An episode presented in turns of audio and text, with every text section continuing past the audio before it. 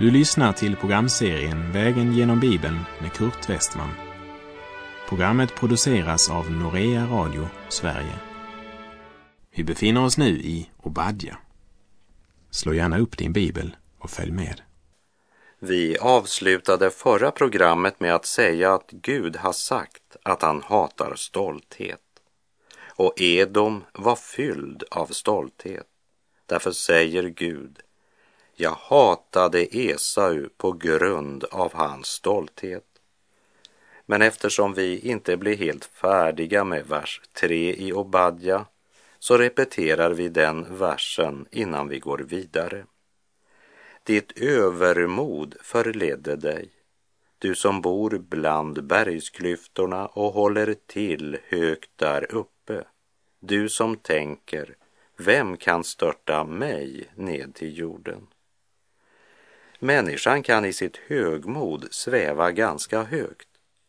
Men hur mäktig hon än kan verka i människors ögon kan ändå allt hon bygger på läggas i grus på ett ögonblick. Den fallna människan kan i sin stolthet inbilla sig att hon kan undkomma Guds rättfärdiga dom. Men innan vi går vidare ska vi ta med ett citat från Ordspråksbokens sjätte kapitel, verserna 16 till och med 19. Sex ting är det som Herren hatar, ja, sju är styggelser för hans själ. Stolta ögon, en lögnaktig tunga, händer som utgjuter oskyldigt blod, ett hjärta som hopsmider fördärvliga planer, fötter som är snara till att löpa efter vad ont är, den som främjar lögn genom falskt vittnesbörd och den som vållar trätor mellan bröder. Av de sju styggelser Gud räknar upp nämns stoltheten först. Det är nummer ett av de ting Herren hatar, stolthet. Därför skriver också aposteln Paulus till de troende i Filippi i Filipperbrevet 2, vers 3. Var inte självupptagna och stolta. Var istället ödmjuka och sätt andra högre än er själva. Det är underligt att det är plats till så mycken stolthet i våra församlingar. När stolthet är nummer ett på listan över det som Gud hatar. Och stoltheten har en parhäst som heter självupptagenhet. Den självupptagne blir antingen stolt eller missmodig. Olof Kolmodin skrev följande minnesvärda rader. Här gäller att kämpa mot djävul och värld, att inte bedåras av högmod och flärd. Allt själviskt och syndigt försaka i grund och hålla sig redo att lida var stund. Och Ordspråksboken 16.19 säger Bättre är att vara ödmjuk bland de betryckta än att utskifta byte med det högmodiga. När det gäller högmod kan vi säga att vårt liv ville bli både större och rikare om vårt eget jag fick mindre plats. För ju stoltare en människa är, desto mera är hon fylld av sig själv. Låt inte stolthetens moln skymma rättfärdighetens sol. Johannes skriver i sitt första brev kapitel 2, vers 16. Ty allt som finns i världen, köttets begär och ögonens begär och högmod över livets goda, det kommer inte från Fadern utan från världen.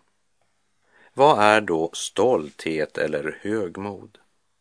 Hjärtats stolthet är när människan genom sin hållning säger sig kunna leva och klara sig utan Gud. Och här i Obadja bok ser vi att hjärtats stolthet fyllde kungariket Edom på samma sätt som Esau, som hade föraktat sin förstfödslorätt och sitt andliga arv. Till och med i sin far Isaks hem, där det fanns så rikligt med mat, föredrog han en tallrik soppa framför välsignelsen och Guds löften till den förstfödde. Han brydde sig inte alls om Gud. Han ville vara sin egen herre. Därför var också föraktet för förstfödslorätten djupast sett ett förakt för Gud. Och nu hade Esau vuxit till en hel nation, en stor nation som hade förklarat sitt oberoende av Gud.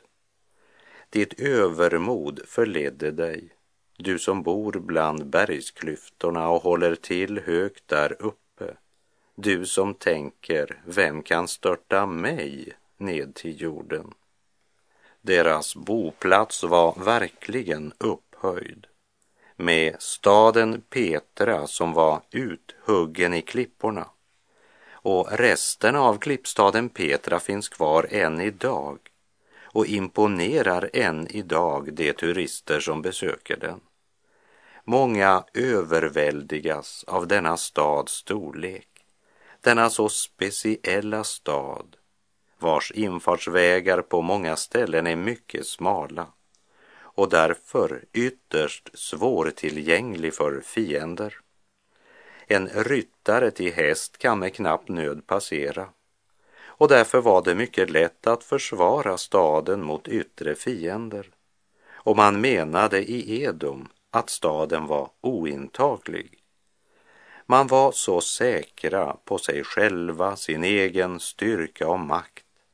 Men Gud säger, ditt övermod förledde dig, du som bor bland bergsklyftorna.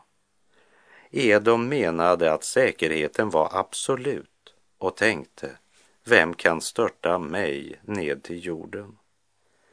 De hade lyckats bygga upp en falsk säkerhet där man inte hade något behov av Gud.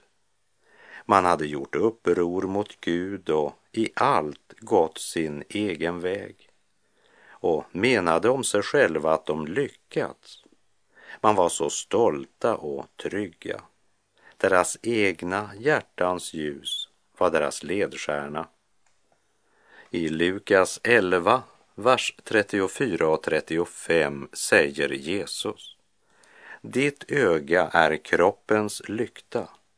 När ditt öga är friskt får också hela din kropp ljus, men när det är sjukt ligger också din kropp i mörker.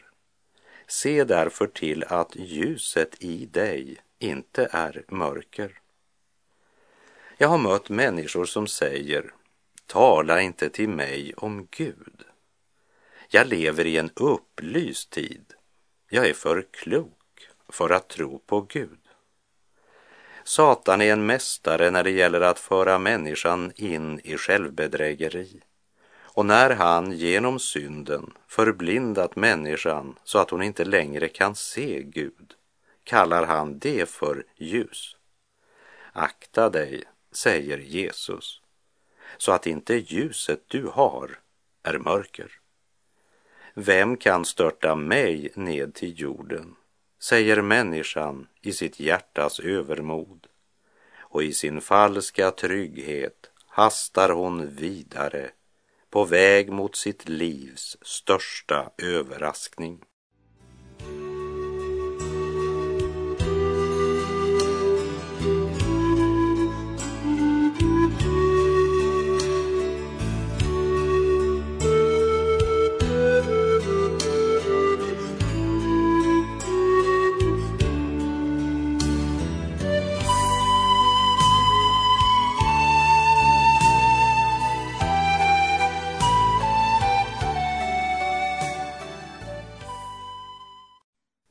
Både folket och ledarna i Edom sa, vem kan störta mig ned till jorden? Romarbrevet 3, vers 4 proklamerar följande. Låt det stå fast att Gud är sann och varje människa en lögnare. Så när vi nu har hört det släkte där alla är lögnare säga vem kan störta oss ned till jorden? Så kan det ju vara intressant att höra vad han som är sann säger om det. Vi läser Obadja, vers 4. Om du än bygger ditt näste så högt som örnen, om du har ditt rede bland stjärnorna, ska jag ändå störta dig ned därifrån, säger Herren. Du bygger ditt näste högt som örnen. I en annan översättning står det du upphöjer dig själv som en örn. I skriften står örnen ofta som en bild på det gudomliga, det upphöjda. Och edomiterna försökte själva inta den upphöjda plats som tillhör Gud alena. Precis som Satan som gjorde uppror mot Gud. Han ville vara sin egen herre. De trodde sig själva kunna styra historiens gång och under lång tid så kunde det se ut som om de gjorde det. Det verkade under lång tid som om de skulle lyckas och i sitt hjärtas övermod bedrog de därför sig själva. Också idag så är det många människor som försöker leva sina liv som om de var sin egen herre, som om de var Gud. De tycker inte att de behöver Gud. Tvärtom så tror de att lyckan består i att frigöra sig från Gud, för de ser Gud som ett hot. Genom synden har deras hjärtan förblindats Gudsbilden blivit förvrängd. Genom Satans bedrägeri tror de att de blir fria när de förkastar honom som är livets förutsättning.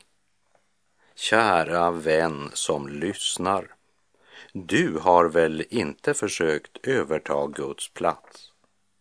Du är väl inte själv kapten på ditt livs fartyg? För det är stolthet. Och det är den värsta av alla synder och det betyder att du är evigt förlorad. Jag ber dig att komma just nu och ta en titt i mikroskopet. Edom är inkarnationen av Esau och nu är mikroskopet placerat på hans liv. Vad ser du? Människan härstammar inte från djuren. Men när människan gör uppror mot Gud och följer sitt eget bedrägliga hjärta så blir hon värre än ett djur. Det är otroligt vad människan kan göra när hon får tillfälle att utöva makt. Du behöver bara följa med i våra nyhetsmedia lite grann så får du en inblick i den värld som människan formar och styr. Människan har inte utvecklats från djuren utan degraderat sig själv till en djurisk nivå på livets alla områden. Som vetenskap så är utvecklingsläran det tjugonde århundradets största självbedrägeri. Men när de kommer ut ur den dimman så kommer otron, i sin desorientering bara att hitta på en annan förklaring till alltings ursprung. Men såväl genom radio som tv-program så har vi hjärntvättats när man om och om igen presenterat denna teori som vetenskap. Men även om de flesta lärda idag har övergivit denna teori finns det fortfarande många radio och tv-program som serverar denna förlegade teori som om det skulle vara vetenskap. Men det är det absolut inte. Och det största problemet med utvecklingsläran måste väl vara dess resultat. Och den kan ju inte leda till något annat än till en fruktansvärd pessimism om de vågar se sanningen i ögonen. Människan har bildat FN, Förenta Nationerna, för att förhindra krig. Men det har aldrig varit så många krig och så mycket lidande som efter att man bildat FN. Vore utvecklingsläran sann skulle vi ju vara på toppen nu. Men när vi ser vart den så kallade utvecklingen har fört oss så kan man ju tänka sig hur den vidare utvecklingen ska bli.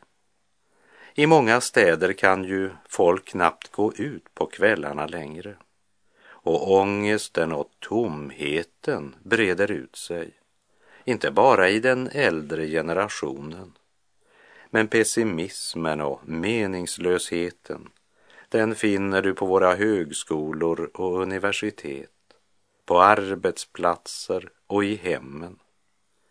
Hem har man snart inte längre. De upplöses i samma takt som vår värld går i upplösning med en växande omoral och politisk anarki. Och självmordsfrekvensen, ja, den talar sitt språk. En ateist inbjöd till en debatt med temat meningen med livet. Men hade den stackars ateisten tänkt efter lite grann så hade han ju varit tvungen att inse att om det är sant det han hävdar sig tro så finns det ingen mening. Om allt har blivit till genom en tillfällighet då är det ju ytterst dåraktigt att söka en mening.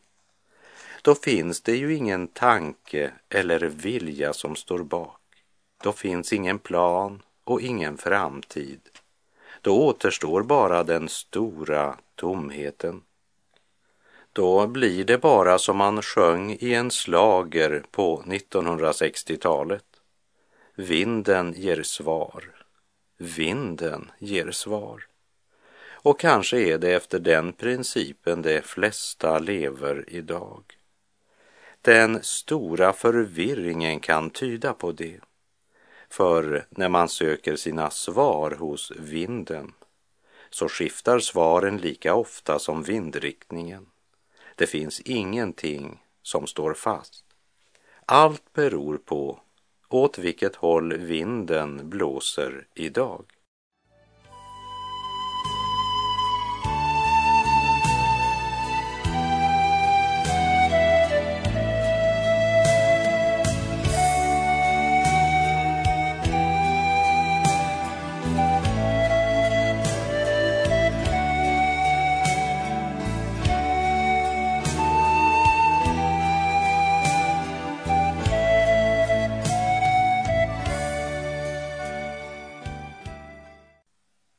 Det är väl knappast något som har fört människosläktet in i en sådan meningslöshet och pessimism som utvecklingsläran. Därför är det så fantastiskt att den lilla boken Obadja ger oss Guds svar på utvecklingsläran. Och det är orsaken till att han uttalade sig som han gjorde angående Edom medan människan i otro spekulerar på hur livet på jorden var för många hundratusen år sedan, för att inte säga miljoner år sedan, och gör anteckningar och skisser av människor som ser ut som djur, så skulle jag vilja vända på steken. Vill du se människor som lever som djur så behöver du inte gå ett enda år tillbaka i tiden. Bara gå ut en kväll i en av våra städer. Uppsök de olika etablissemangen eller vandra runt i någon av stadens parker och du får se kvinnor och män som lever som djur. De ser inte ut som djur och några av dem kallas för det vackra vackra folket, men de lever som djur. De har fallit från den upphöjda plats Gud skapat för dem. Inga djur dricker sig fulla eller skjuter sina barn eller mördar för pengar eller praktiserar homosexualitet. Det är det bara människan som gör.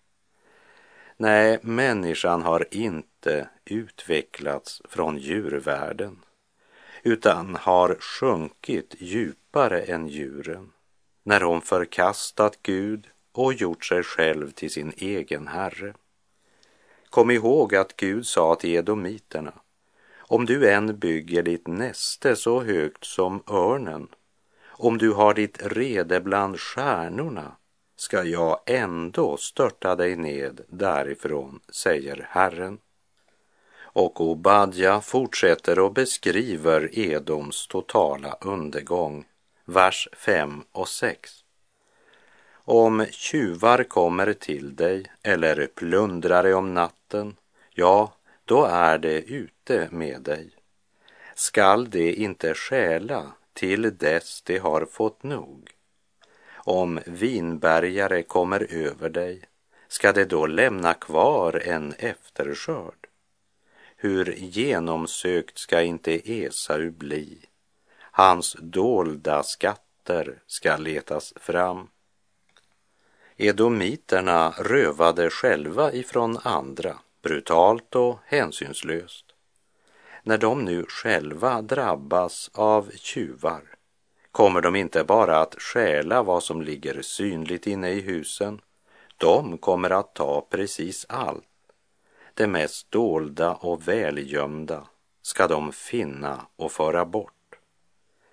Bedragarna i Edom kommer nu själva att bli bedragna av det folk som de stod i förbund med och som utgjorde en del av deras falska tröst.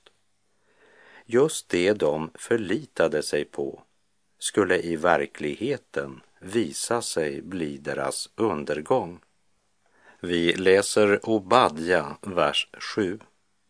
Till gränsen skall det driva dig ut, alla de som stod i förbund med dig. De skall bedra dig och bli dig övermäktiga, det som du levde i fred med. Det som äter ditt bröd ska lägga en snara under dig. Det finns inget förstånd hos dem. Edom var nationen som alla fienderna på den tiden bara gick förbi utan att försöka erövra. De brydde sig helt enkelt inte om att strida mot dem eftersom de satt så trygga i sin bergstad. Men Nebukadnessar lyckades få in spioner på insidan staden.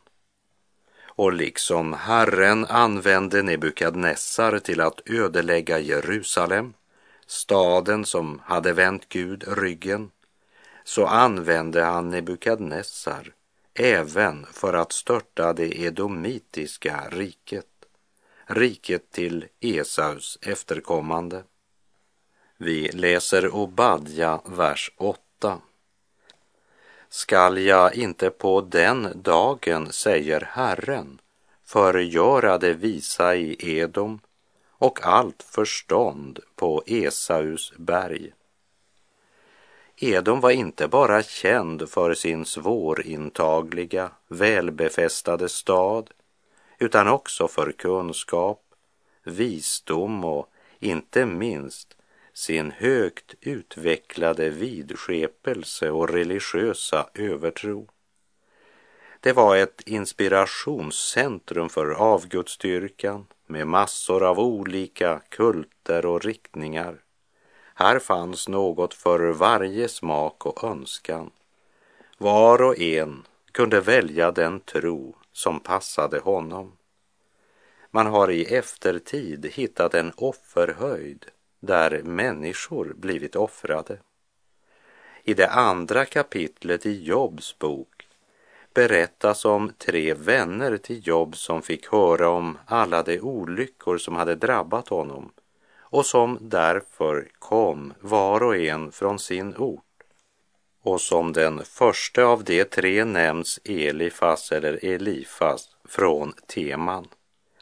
Teman var en stad eller ett område i nordöstra Edom och Temans invånare var kända för sin vishet. Folk reste lång väg för att lyssna till det vise i teman. Men Gud säger att han ska förgöra det visa i Edom och allt förstånd på Esaus berg. Vi läser Obadja, vers 9. Dina hjältar, teman, skall slås av förfäran och var man på Esaus berg bli utrotad och dräpt. När Gud dömer synden bleknar all mänsklig visdom och de mest imponerande försvarsmurar läggs i grus. I Markus 8.36 säger Jesus vad hjälper det en människa att hon vinner hela världen men förlorar sin själ? Vad är ära, rykte, guld, stoft som snart försvinner mot att äga Jesus huld, sälj den honom finner. Vad man än ifrån mig tar, lycka, hälsa, vänner, har jag dock det bästa kvar, frälsaren mig känner. Och med det så är vår tid ute för den här gången. Jag säger bara på återhörande om du vill. Om du vill att Kristi kors ska stå mellan dig och dina synder så måste du också låta Gud placera Kristi kors mellan dig och världen så att världen blir korsfäst för dig och du för världen. För när du lever där vilar Herrens välsignelse över dig och du inser att Gud är god.